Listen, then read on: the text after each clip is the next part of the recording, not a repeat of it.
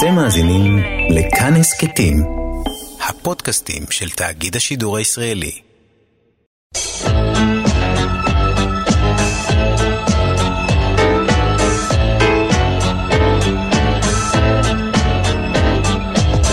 גיבור תרבות הדוקטור דן הרב והדוקטור דוד גורביץ' באולפן עם יונתן גת.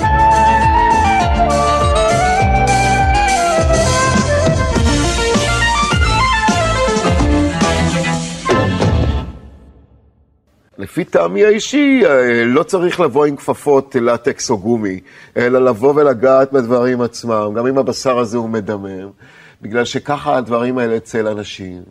הם דברים בוערים, הם דברים גם... ואתה מדבר על אלימות, אז אלימות, נגיד, אתה רואה גם כשתינוק נולד, למשל. הדרך שלו החוצה, הדם שיש שם, המאמץ הגדול שיש לו, המאמץ של האימא. זה, זה דבר אלים, כמעט בכל אה, מישור בחיים אתה תמצא את הצורך הזה בהפעלת כוח בשביל לצאת, בשביל להגיע, בשביל לחדור.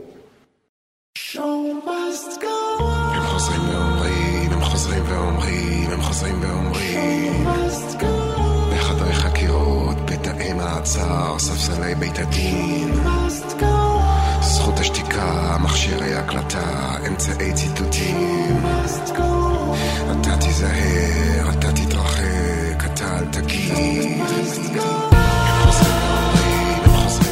כן, זה היה קולו של גיבור התרבות שלנו לתוכנית הזאת, תוכנית נוספת על ערן צור, חלק ב', ואיתי יושבים כרגיל דוקטור דוד גורביץ', אהלן. דוקטור דן הרב, אהלן. ואני יונתן גת, ובתוכנית הזאת אנחנו ממשיכים לעסוק בגיבור התרבות שלנו ערן צור. ואנחנו בתוכנית הקודמת הרגשנו שלא מספיקה לנו התוכנית אחת בשביל אה, לעמוד על כל אה, היצירות והפעילות של ערן צור, ולכן אנחנו אה, ממשיכים. איך אנחנו ננסה לחדש בתוכנית הזאת? אני חושב שאנחנו פשוט ניגש לטקסטים שלו עצמו מקרוב, נשמע את המוזיקה שלו, נתרגש ממנה, נגיב אליה. on the spot מה שנקרא, ואני בטוח שהרגשות שלנו יאירו בנו גם כמה מחשבות נוספות, שלכמה מאיתנו יהיה להם נעים לחלוק איתכם. אה, תוכנית שנייה על אותו אומן זה בטח מעלה שאלה מה פתאום ולמי מגיע תוכנית שנייה או משהו מן הסוג לא הזה. היו לנו הרבה כאלה. נכון לא היו הרבה כאלה אבל לפעמים תוך כדי אתה מבין שאתה רוצה עוד. אתה רוצה עוד כי אתה נהנה אתה רוצה עוד כי אתה מרגיש שאולי יש לך מה לומר אז למה לא יש הרבה מה לומר וזה מה שננסה לעשות פה.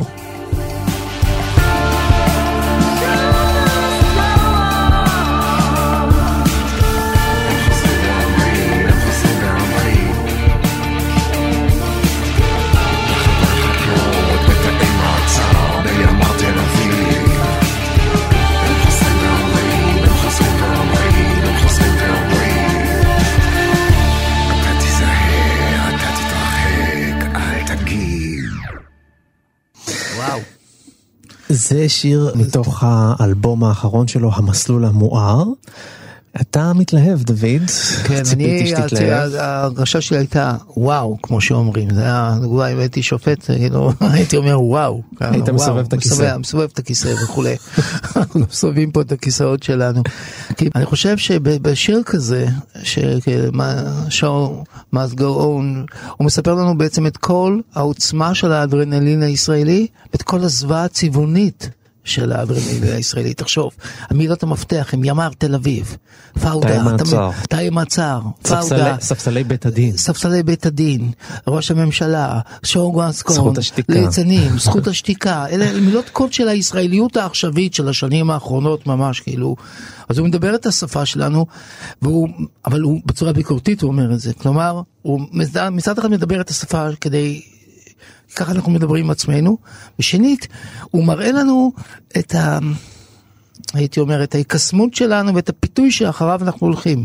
עוצמה, אלימות, חספוס, ליצנות, בידור, עבריינות. קפיטליזם, עבריינות, לערבב היטב ולהגיש עם שניים סוכר. ומשם אנחנו מתלהבים, אומרים, זה הישראליות, וואו, ימ"ר, זה ימ"מ, ימ"מ עשה את הפעולה, זה ימ"ר עשה את זה, ימ"ר, ימ"מ, אפשר לטוץ אותו, ימ"ר, פפר, בקר, גגר, כל, כל, כל הדברים שמייצגים כוח, ממסד צבאי, שירותי הביטחון, ומצד שני שירותי הבידור, נכון? show must go on, ומצד שני ליצנים, ומצד שלישי טלוויזיה עם תוכניות הבידור שלה, והתוכניות האלה של הריאליטי השונות. The show must go on, והערבוביה הזאת של אלימות, ביטחון, עוצמה, תחושה של איזה כיף להיות ישראלי, כי דברים נוראים ונורא יפים, וגם נורא נוראים קורים פה בעת ובעונה אחת, והנורא הוא יפה והיפה הוא הנורא. זה מה שעושה אותנו ישראלים מיוחדים כל כך, אוהבים כל כך את עצמנו.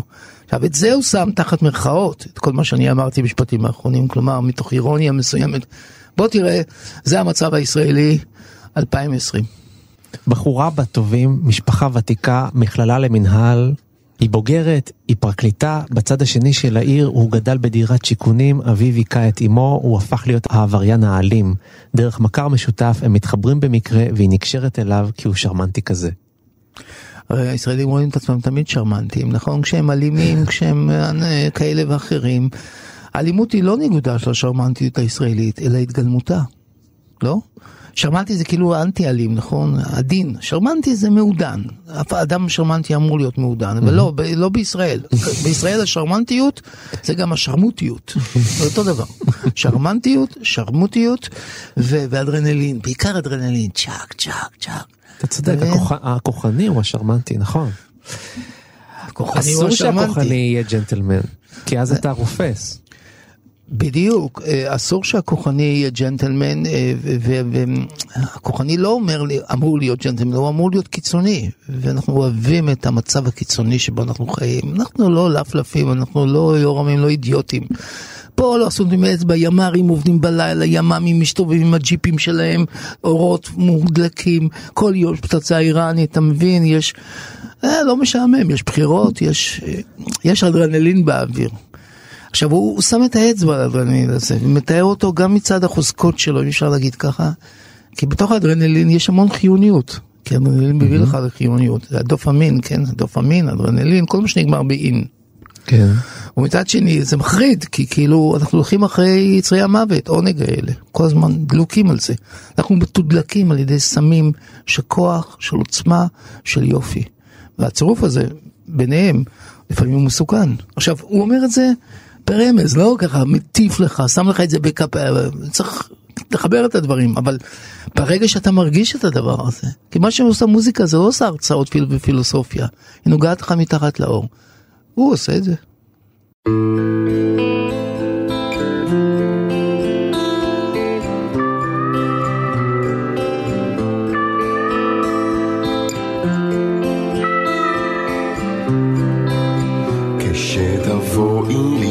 איתי, תלבשי שמלה שחורה, מאוירת בתותים ומקבעת שחורה, מקושטת בתותים, והחזיקי סלסילת תותים, ותמכרי לי תותים. תגידי בקול דק ומתוק,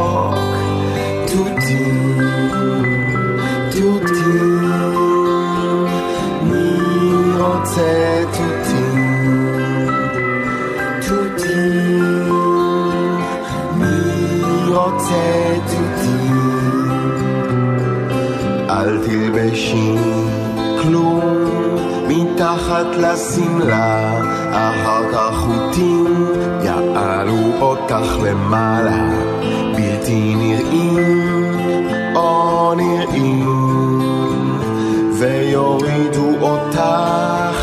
ישר על הזין שלי.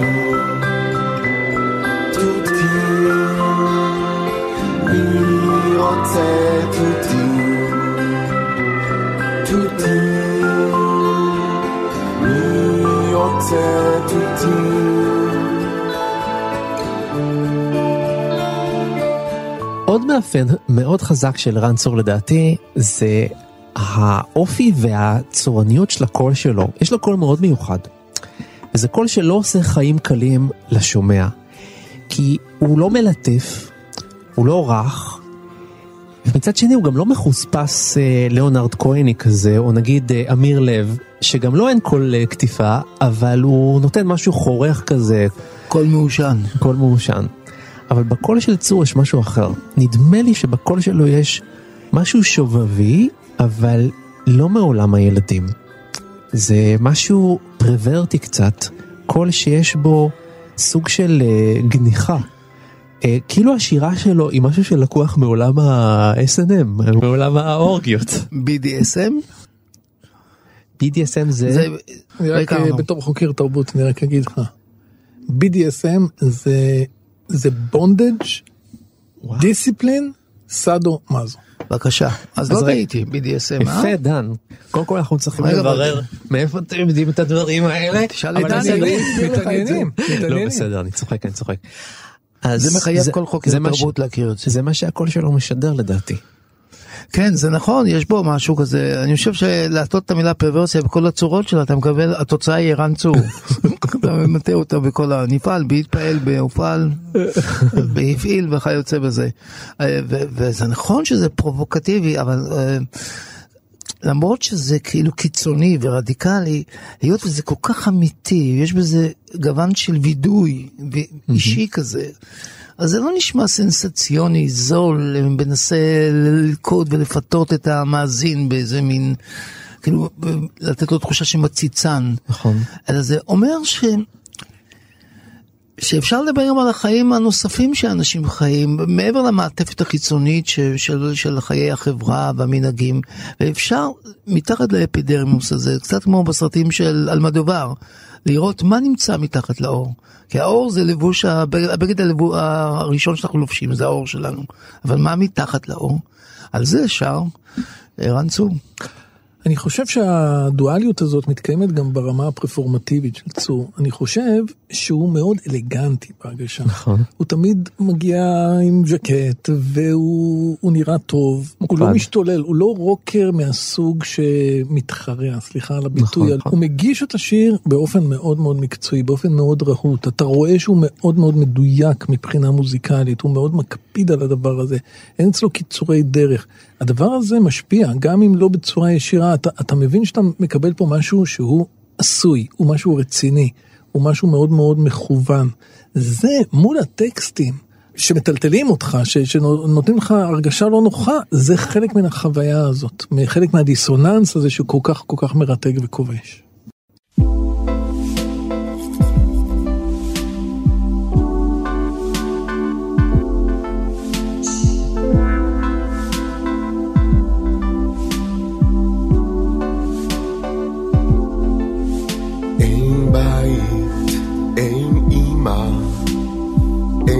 מאכלים מוכרים, אין ארץ, אין אבא.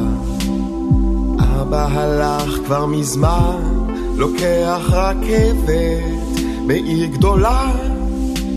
נוסע ונוסע, ללא תכלית בתחתית.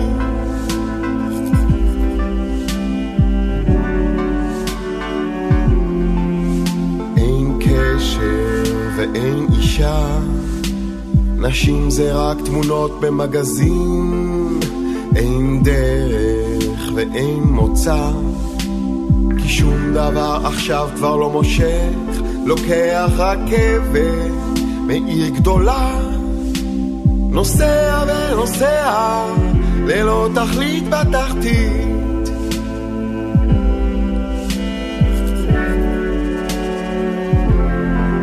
רבבות, רבבות, הם יורדים במדרגות הנאות אלפים, ורבבות הם יורדים במדרגות הנאות.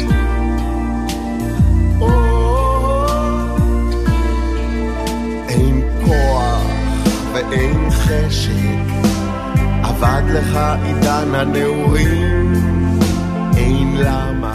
כן, תכלית בתחתית, מהאלבום שנושא את השם הזה, משנת 2000, בלוזי. כן, תכלית בתחתית, זהו, קראת התחתית, כלומר המטרה היא התחתית של החיים. וזה באמת ככה, הוא שר על הביבים במידה מסוימת, תחתיות.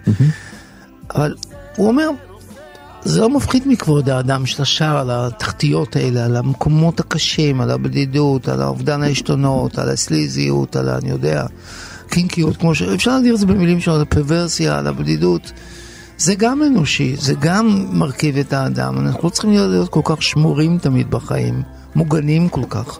כן. על ידי האני העליון, על ידי חוקי החברה וכיוצא בזה. מותר לנו להיות כאילו בלי חשופים. בלי תכלית. בלי תכלית, פירושו בעצם ליהנות לאומנות לשם אומנות, מוזיקה לשם מוזיקה, לא רק להיות ריאליסטים, כי מה זה ריאליזם? בדיוק ההפך מתכלית ללא תכלית. ריאליזם זה תמיד משהו שגורר אותך לתכלית מסוימת. סיפור ריאליסטי זה סיפור שיש לו מטרה, שהולך מנקודה א' לנקודה ב'. כי תמיד בעיר הגדולה מחפשים תכלית.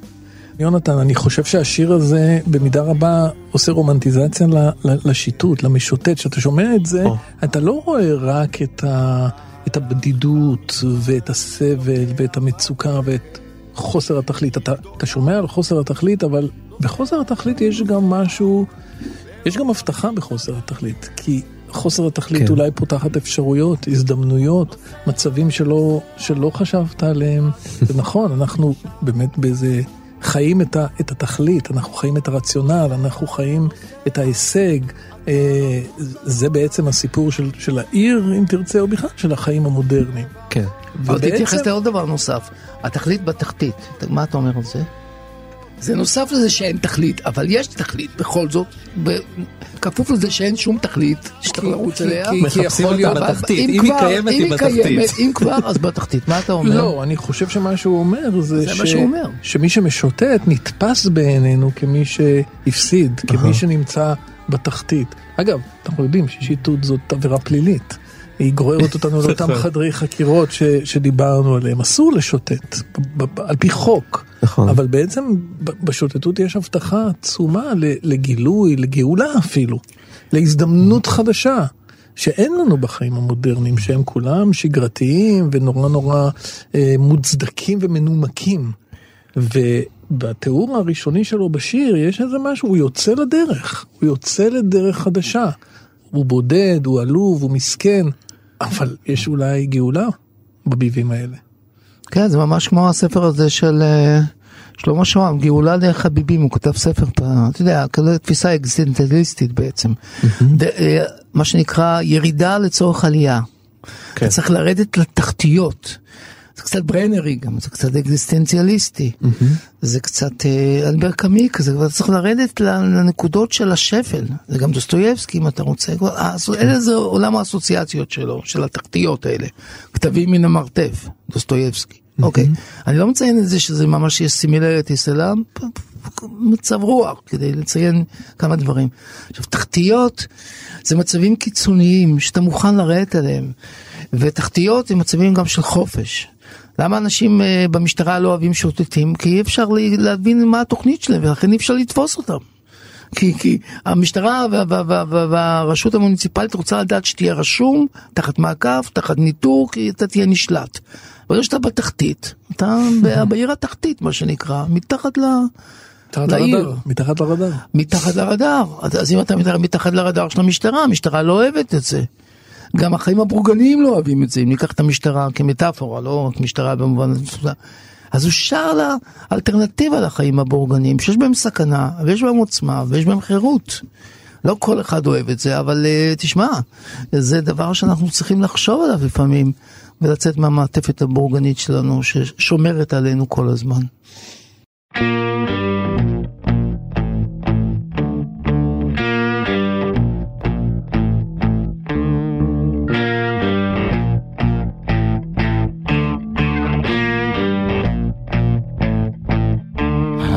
שמכאן ומכאן, באין סוף הפרוזדור העיקר. הפתוחות מגבי, הסגורות לפניי, הפתרון הוא יהיר, הסגרון הוא קנאי. מי חוצב את הבוקר ומי, מי, מי, את חדוות ועקבות חלומי. מי חדוות ועקבות חלומי.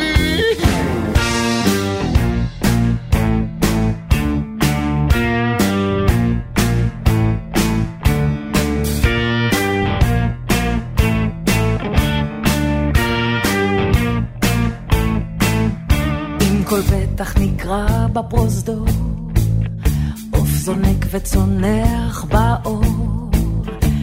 רביונים מגבי, חביונים לפניי, הרבוי הוא יהיר, החבוי הוא קנאי. מחזיק את הלילה ומי מי מי משלח חרשות ביומי. מי מחזיק את הלילה ומי מי מי משלח חרשות ביומי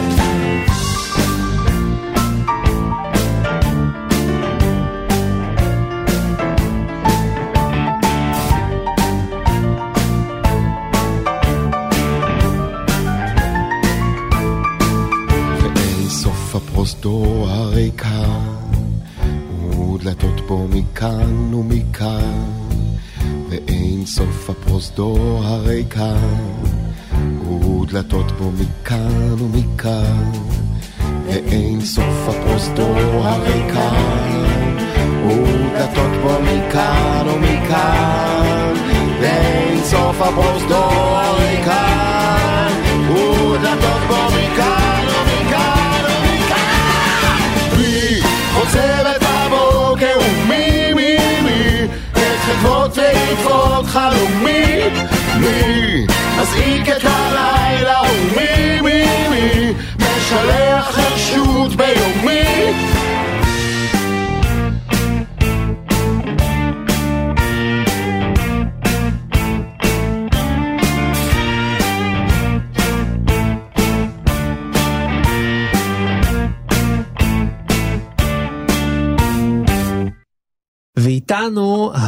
הפרופסור ניסים קלדרון. אהלן ניסים.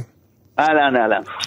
ניסים, אתה כתבת בין היתר גם על ערן צור, ורציתי לשאול אותך, איך היית מאפיין את הייחודיות של הטקסטים של צור? ושאלה נוספת זה, למה לדעתך הטקסטים הצליחו כל כך דווקא בתחילת שנות התשעים בישראל? תראה, כדי לאפיין, הייתי בוחר אפיון שלו עצמו. התקליט הראשון של טאטו נקרא חתוך תוכן. כן. אה, אני חושב שלכל אורך הקריירה של ערן צור יש איזה חוט מקשר של אסתטיקה של תכנים חתוכים ומתחברים, אה, נקרעים ומתאחים. ואתה יכול לראות את הנאמנות שלו לחוויה הזאת המרכזית של חיתוכים וחיבורים אה, לאורך שנים רבות. עכשיו, זה גם, צריך להגיד מיד, זה גם מאוד מתחבר לספרות. הוא אולי הרוקר הכי מחובר לספרות בשירה, שיש כן. לנו, כן. אה, ולשירה במיוחד. לא רק לשירה, אבל לשירה במיוחד. כן. אה, מאז אה, חנוך מחנך, השיר שלו על אביו, שהיה מורה לספרות, אה, דרך ציטוטים של אבן גבירול, אה, דרך אה, הרבה מאוד הלחנות של שירה, דרך אה, מעבר ממוזיקה להקראה של טקסטים אה, ספרותיים. כן. עכשיו, אה, למה זה הצליח בשנות ה-90? אני חושב שבשנות ה-90 הייתה בשלות בתרבות הישראלית לעבור מהדמות של המשורר כדמות מרכזית מאוד בתרבות העברית לעוד דמות, דמות אחרת, דמות של ה singer songwriter. או. ואני חושב שערן עשה את המעבר הזה בצורה גאונית. כן. אה, במילה אחת, הדמות של המשורר אה, סחבה על גבה עול אדיר של ציפיות. מאז ביאליק ואלתרמן וזך, קיבלנו כובד מאוד חזק של המחויבות לאותנטיות שלך, של המחויבות לניתוח עצמי, באותו זמן של מחויבות חברתית, של צד מאוד מאוד אישי וצד מאוד מאוד, הייתי קורא לו ציבורי. מהמם.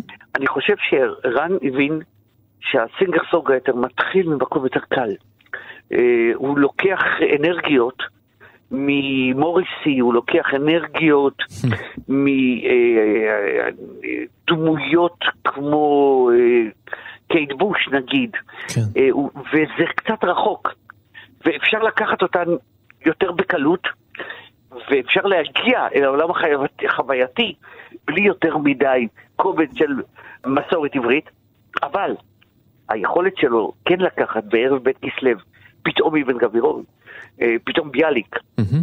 אה, אה, העיד על איזה יכולת מזיגה בתוך דמות ה singer songwriter, בין איזה קלות חווייתית אינטנסיבית, קדחתנית, אתה יודע, אה, קצת קשה להגיד על ערן קלות ב- שהוא הביא אה, תכנים כל כך כבדים, אבל אה, היה לו איזה מגע ישיר, חשמלי כזה, עם חוויות מאוד אינטנסיביות. של מיניות חתוכה, אני קורא לזה. אה, ויחד עם זה, נגיעות של תרבות עברית מן העבר. ואני חושב שבשנות ה-90, בעידן שבו קיבלנו גם את ענבל פרלמוטר וגם את ברי סחרוף, אה, זה היה מאוד נחוץ, וקיבלנו מערן צור משהו שלא קיבלנו מאחרים. איך אתה מפרשן את השיר שלו על האנס בחושך? מה שיר האינטרפרטציה של השיר הזה אה? לדעתך? אני, כן, זה שיר שאתה יודע שאף אחד לא הסכים לשיר אותו, וערן צור שר אותו. אה, כשהלהקה, הוא היה בסיסט. וכשהוא שר את השיר הזה, הוא פרץ בעצם מעמדת הבסיס לפרונט של להקת רוק. איזה והוא דרך- הפך איזו- להיות מבצע. איזו דרך לקפוץ קדימה, כן. כן, עכשיו, הוא היה צריך להוציא איזה אפלה של אלימות שיש באוויר. אמרתי לך, תוך תוכן, אל, אלימות מינית זה דבר הכי חותך תוכן בעולם. כן. כאשר אינטימיות הופכת להיות אלימה. האימה מפני זה היא מציאות שצריך לבטא אותה. לא צריך לשמור אותה באיזה אה, מקום אה, לא מבוטא.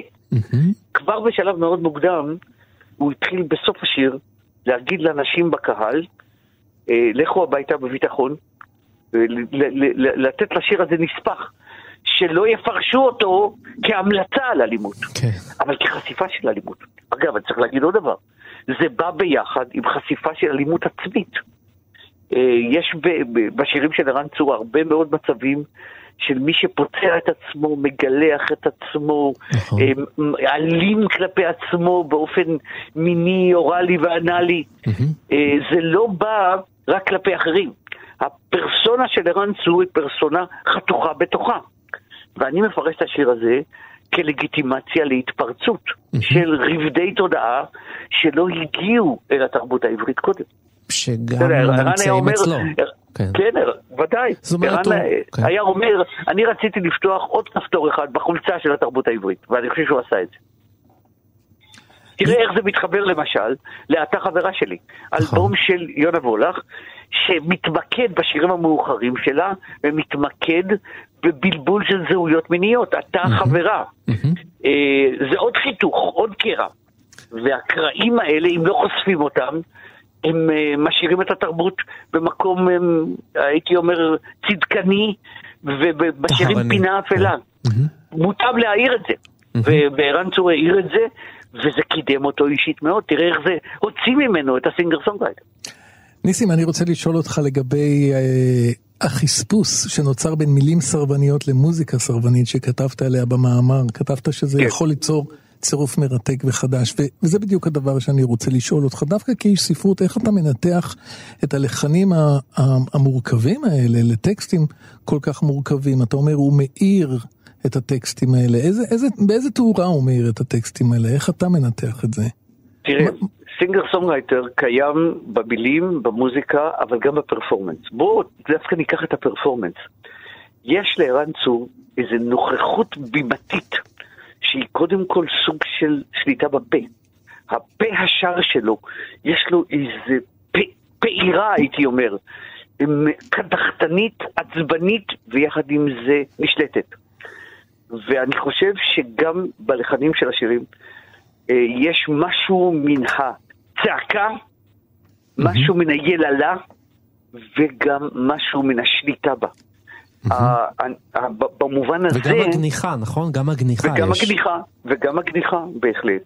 אה, ואני חושב שהמתח הזה יוצר את העוצמה שבשירים, יוצר גם את המורכבות שבשירים, ואני אגיד דבר, עוד, עוד, עוד דבר אחד. יוצר גם את הסירוב של ערן צור לעגל פינות כדי להפוך לזמר יותר פופולרי ממה שהוא. הוא זמר מאוד מאוד אמין, הוא עומד כמורה גדול ל- לרוקרים רבים.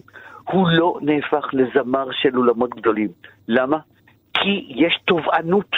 הוא תובע משהו מהקהל בצירוף הזה בין המחוספס לבין המוזיקלי. והתובענות הזאת, יש את המחיר, וערן צור משלם אותו. ויחד עם זה, הוא חרוץ מאוד, mm-hmm. הוא מופיע כל הזמן, הוא מופיע כמעט כל ערב, יש משהו נחוש בנכונות שלו לקחת עוד משימה ועוד משימה ועוד הלחנה ועוד משורר. פעם קריאה, פעם אה, קריאה מלווה בבס שלו, הוא בסיס יוצא מן הכלל. Mm-hmm. הדברים האלה מתחברים ביחד לדמות מאוד מאוד, בעיניי, מעוררת כבוד. אה, מאוד אותנטית, אמיתית.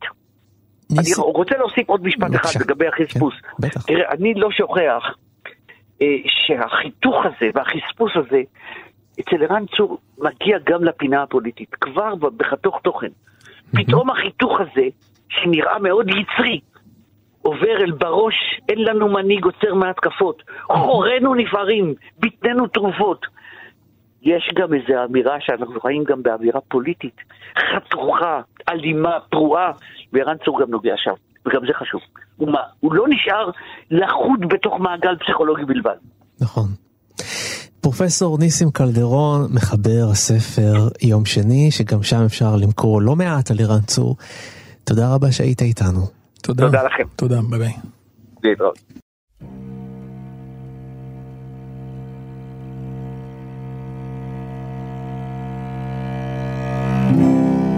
בערב בית כסלו טרפתי את נפשי, יצאתי את ביתי, אשר אל מול היער.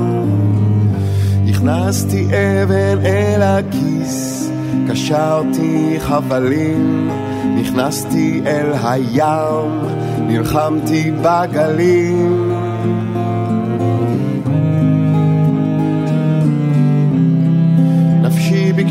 רחם בתוך מערבולות, אבל אני חולם, אני בתוך חלום, ובחלום אגם שקט בין העצים. ובחלום אגם ודגי זהב שתים.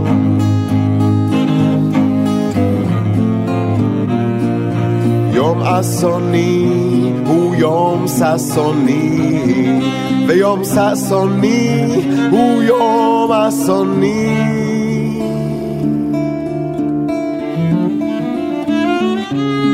עיוור בלב ים, מי אותו יציל? נפשי ביקשה רחם, אבל אני חולם.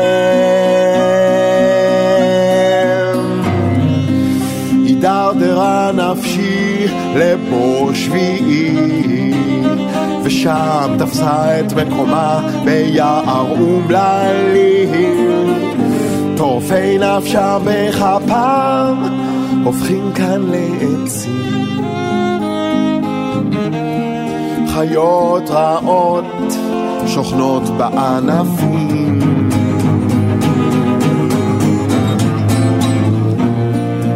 יום אסוני הוא יום ששוני, ויום ששוני הוא יום אסוני.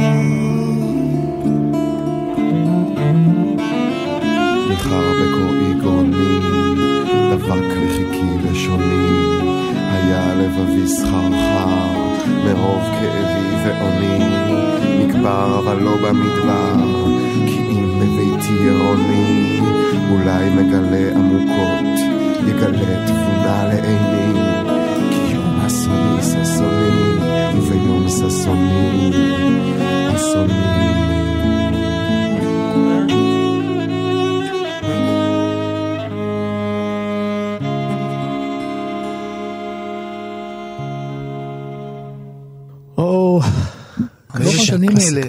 מאיזה שנים מאיזה בערך הדבר הזה? זה בשנת 1994, מהאלבום השני של כרמלה גרוס וגנר, עיוור בלב ים, זה שיר הנושא בעצם.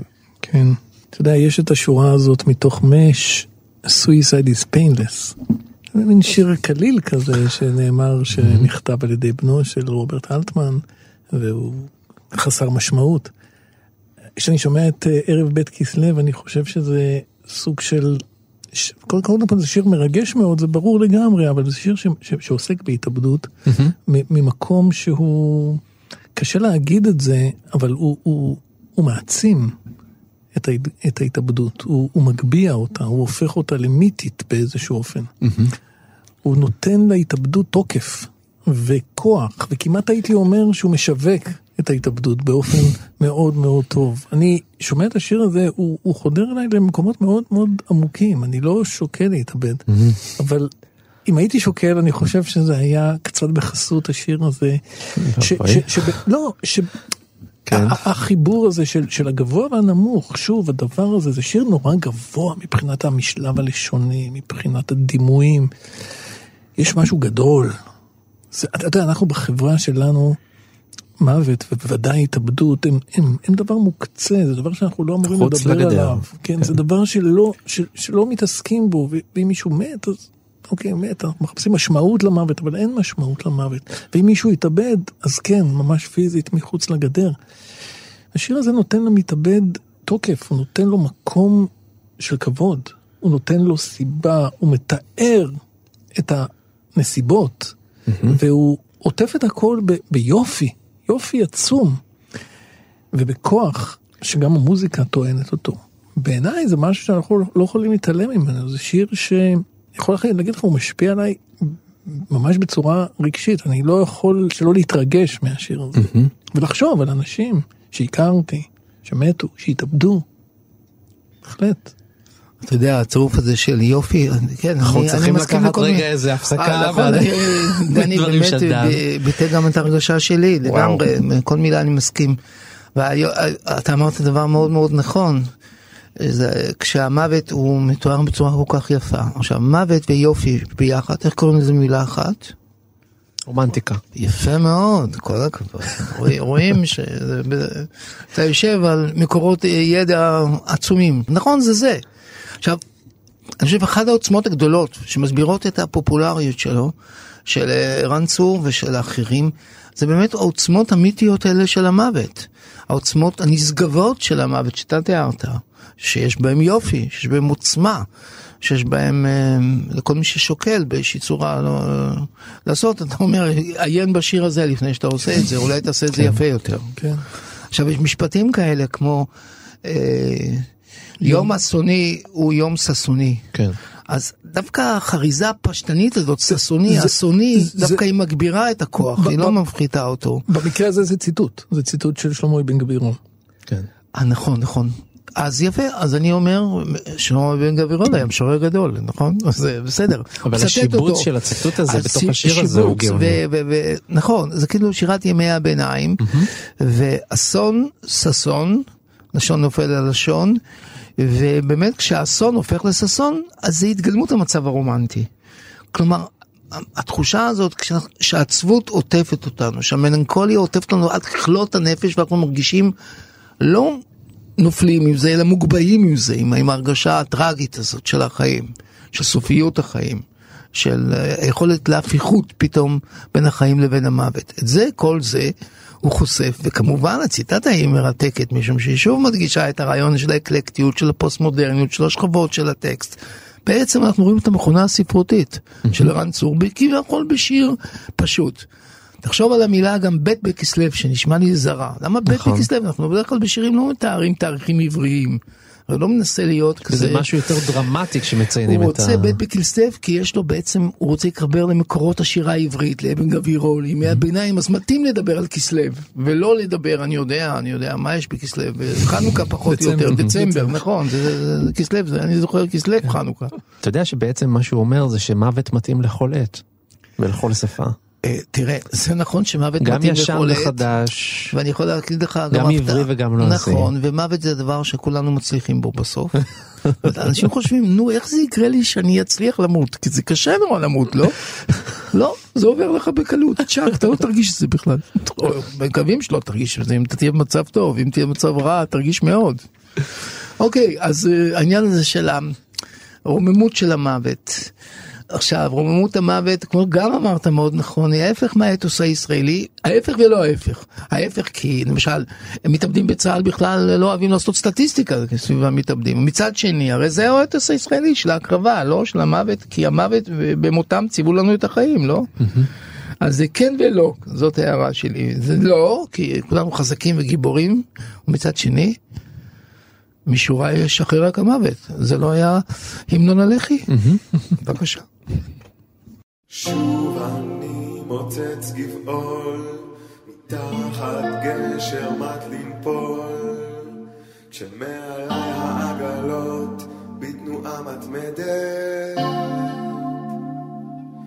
שוב אני מתחיל לשאול, מה לרצות, מה לאכול, כשהנמלה העניינית אותי מודדת.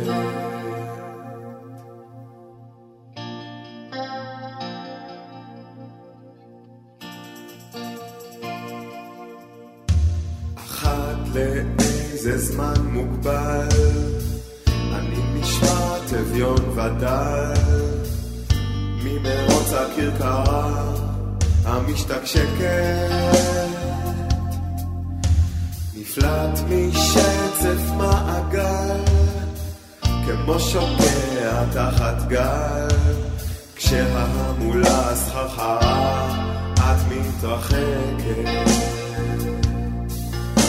ואבא תמיד אומר, תעזבנו יום יזלק היומיים, העגלה נוסעת, נעצור. קפצת ממנה היום, חלפו שנתיים, והנה נשארת מאחור. צולל חופשי ללא מצנח. כן, ערן צור מבצע את אה, נשל הנחש, ואתם יודעים שמאיר הראל לא כל כך אהב את ה... לא כל כך אהב את הביצוע הזה שלו, אבל uh, עם השנים הוא התרגל. בוא נגיד שהביצוע הזה הוא גם חלק מתוך מרקם מסוים, כאשר ערן צור מופיע בתפקיד עצמו, בתפקיד זמר, בתוך סרט של אה, סרט שנקרא שור, כן. על שם הפסוק הציוני. שורו הביטו ראו מה גדול היום הזה. סרט מאוד יפה של שבי גביזון, הסרט הגדול הראשון שלו שנעשה, אתה יודע מתי הסרט הזה היה? שנת 1990. בדיוק, מלחמת המפרץ, שאני יושב בקולנוע, פעם שהיה קולנוע מקסים, עם uh, כזאת מסכה ויחיד בקולנוע. אז ערן צור מופיע שם במסיבה הזאת הלא מוצלחת של אחד מהחזניים, איבגי, איבגי לפני שהיה במשמורת. אז... אז אנחנו, לפני שהיה במשמורת אה, ביטחון. כן. טוב, לא חשוב, אתה יכול למחוק את זה מצידי, ומילא, אוקיי. הדברים נערכים, אז אה, הוא מופיע שם במסיבה הלא מוצלחת הזאת של אותו מאחז עיניים, שהוא כאילו הנביא, ה-new age של החבר'ה, והאיש שהם סוגדים לו, הגורו של השכונה, של האינטלקטואלים. מופיעים שם סרט מאוד מאוד מעניין, וגם התפקיד שלו מעניין, והשיר והביצוע מעניין, וכאן אני מגיע לתפקיד והביצוע. אה, הוא שר את הטקסט נגד עצמו. זה מה שאני רוצה להגיד. בניגוד תסביר. לביצוע של uh, מאיר אריאל, שגם הוא כמובן ביצוע מאוד מרגש, אבל במקרה של מאיר אריאל, זה, זה באמת שיר שיש בו הרבה מאוד מאוד uh, פאתוס וצער חיים על זה שלא שמע לכל האב, שהעגלה המשיכה ואין חזור, שהוא איבד את ההזדמנות שלו, והנה עכשיו אתה כבר מצטער, אבל העגלה אין חזור, וזה ממשיכה ככה הלאה. אתם מכירים את המילים של השיר הנהדר הזה. עכשיו, מה שעושה ערן צור, וכאן זה הנקודה החשובה, בתוך הסרט, הוא שר נגד הטקסט במובן שהוא כבר מתייחס באירוניה למילים האלה נכון. של, של אה, אריאל אריאל. עצמו. של מאיר אריאל עצמו, זאת אומרת המילים מתזות ממנו, מותרסות. כן. מדוע? כי הן חלק מהקונטקסט הקולנועי, הן לא מנותקות. זאת אומרת, הוא מופיע כאומן שצריך לבדר את האורחים שם בפאב, שאף אחד לא בא, כאשר הגור פרסם את הספרים שלו שאף אחד לא רוצה לקנות אותם. כן. אז בעצם, זה הרעיון הזה של, היה לך הזדמנות והחמצת אותה. אבל זה לא באמת הייתה לך הזדמנות והחמצת אותה, כי זה כאילו הזדמנות. זה כי הרי זה מאחז עיניים. מילים פשוטות, אי אפשר לנתק את הביצוע, את המשמעות שלו, מן הסרט, זה מה שאני טוען. אז אני דווקא אתווכח איתך, ואני ארצה. להסתכל, אני ארצה להסתכל על הביצוע הזה, כרגע לפחות, במנותק מהסרט הזה, ולחשוב על זה שערן צור גם מתחשבן עם אביו, והוא עושה את זה בהרבה מאוד שירים, נכון. ופה אמנם זה שיר שחובר על ידי מאיר אריאל, אבל ערן צור שר אודות אביו, ואנחנו יודעים שגם בשירים אחרים כמו חנוך מחנך, היחס שלו אל אביו, אל אביו הוא שוב יחס מאוד מאוד מורכב, לא יחס רך, יחס מאוד אמביוולנטי הייתי אומר, יש שם סוג מסוים של ביקורת, סוג מסוים אפילו של רחמים ואולי גם קצת הגחכה. יש מכלול שלם של רגשות ביחס הזה של הבן אל האב. בתקופה הזאת במיוחד, של שנות התשעים. נכון, ואני חושב שבאיזשהו אופן הוא, הוא, הוא כן לוקח את המילים של מאיר אריאל. יש איזושהי הרחקה, בכל זאת זה האבא של מאיר אריאל, אבל הוא שר את זה אל אבא שלו. ככה אני מעדיף לראות את זה. כן. זאת אומרת, זה, זה נשמע לי לגיטימי, לה, באמת. זאת אומרת, לדעתי, השיר הזה, ובמיוחד הביצוע הזה, שמאפשר את שתי הפרשניות האלה. כן. אתה התחברת כאילו קצת למוטיב של אה, אמיר אריאל עצמו, ששר מול אבא שלו, ואתה אומר, זאת הזדמנות בשבילו לקחת שיר על. אבא אחר ולשיר לאבא של עצמו, וזה נכון מאוד כנראה. ומצד שני, הצורה של השיר היא הולכת נגד הביצוע כן, שמקובל, ולכן היא מתריסה כלפי, זה- כלפי הנוסח הזה של ההתחשבנות עם האב. לגמרי, זה מה שאני רוצה לומר. לגמרי, אבל זה בדיוק מה שאני אומר, שהצורה, גם בשירים אחרים, כמו חנוך מחנך, אחד השירים הראשונים של ערן צור, הוא שר על אביו, על אביו שמת, אבל הוא יוצר שם איזשהו מצב מטורף של, של, של ילד בכיתה שמתעצבן על, ה- על אביו, המורה, וגורם לאבא בעצם לצאת מגדרו, ובסופו של דבר כנראה להיזרק מעבודתו בגלל ההתפרצות הזאת על אחד התלמידים. זה לא שיר זיכרון לאבא, זה, זה שיר ש, ש, ש, שמעורר איזושהי טראומת ילדות שקשורה לאבא וקשורה לאב ש...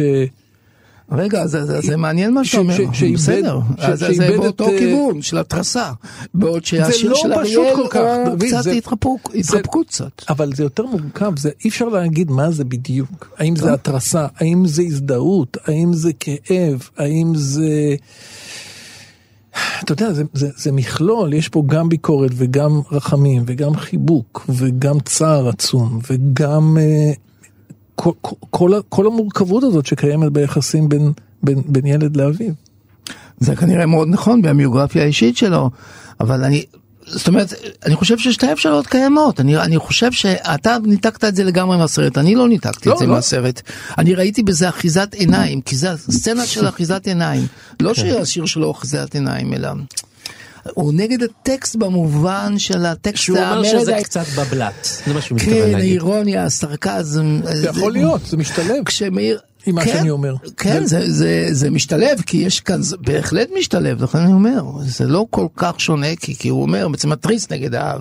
כן. בעוד שאני חש את השיר, אני לא יודע מה אתם חושבים, אבל השיר של מאיר אראל משל הנחש, יש איזו התרפקות, יש איזו אהבה, יש איזה צער עולם, אבא אמר, אבא אמר, לא שמעתי. אבל אצל ערן צור יש... העגלה כבר זזה. אבל אצל ערן צור, כמו על פי המיתולוגיה, יש רצח אב בביצוע הזה. נכון, כל המתריס והדבר הזה, רצח אב, ובסרט זה רצח האב הגורו הזה, כאילו, כן, שהוא כן. בעצם, זה רצח אב פרודי. הוא עושה את זה כרצח אב אמיתי, ואתה רואה הכל בשני הליירים קיימים בעת ובעונה אחת בתודעה של הצופה, שמכיר כבר את ההיסטוריה של השיר הזה והביצועים שלו והמשמעויות הסימבוליות.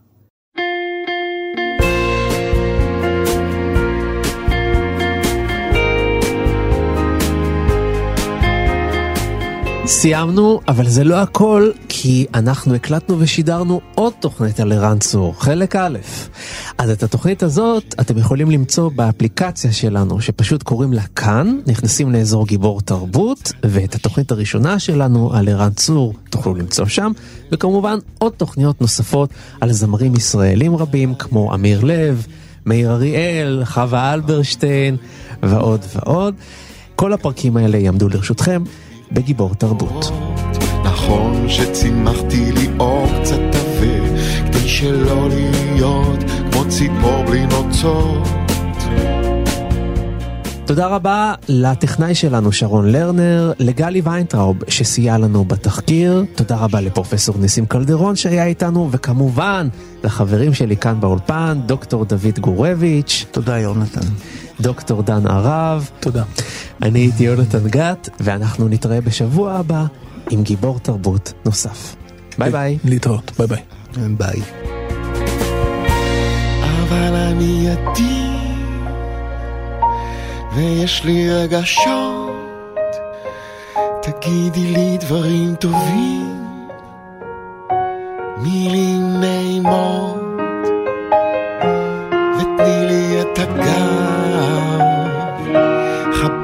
אותי עכשיו,